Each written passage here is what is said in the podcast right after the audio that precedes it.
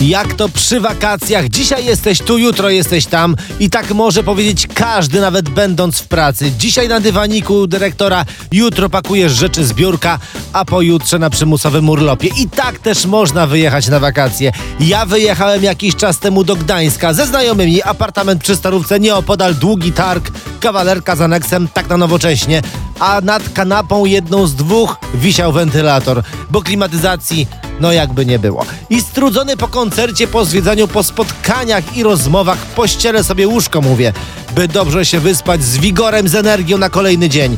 I rozkładam tę kanapę, najpierw myśląc jak rozłożyć, że zagadka, czy leżanka się rozkłada, czy oparcie idzie w dół, a może to tylko pojemnik na pościel. I olśnienie. W pojemniku na pościel była pościel, a siedzisko wysuwało się do przodu. No i myk i ciach tę kanapę. Najpierw koc, by wygodniej się leżało, bo jak mama mówiła, jak sobie pościelisz, tak się wyśpisz. To mówię, rozkładam ten koc, a na ten koc prześcieradło. I tak jak w każdym polskim domu, myk to prześcieradło do góry, a na górze wiatrak wentylator. I po chwili po wiatraku i po prześcieradle bo utknęło przy suficie. Nim pościelicie łóżko, nim rozpostrzecie prześcieradło, sprawdźcie topografię pokoju i sufitu, co by uniknąć dodatkowych kosztów na naprawę wyposażenia pokoju.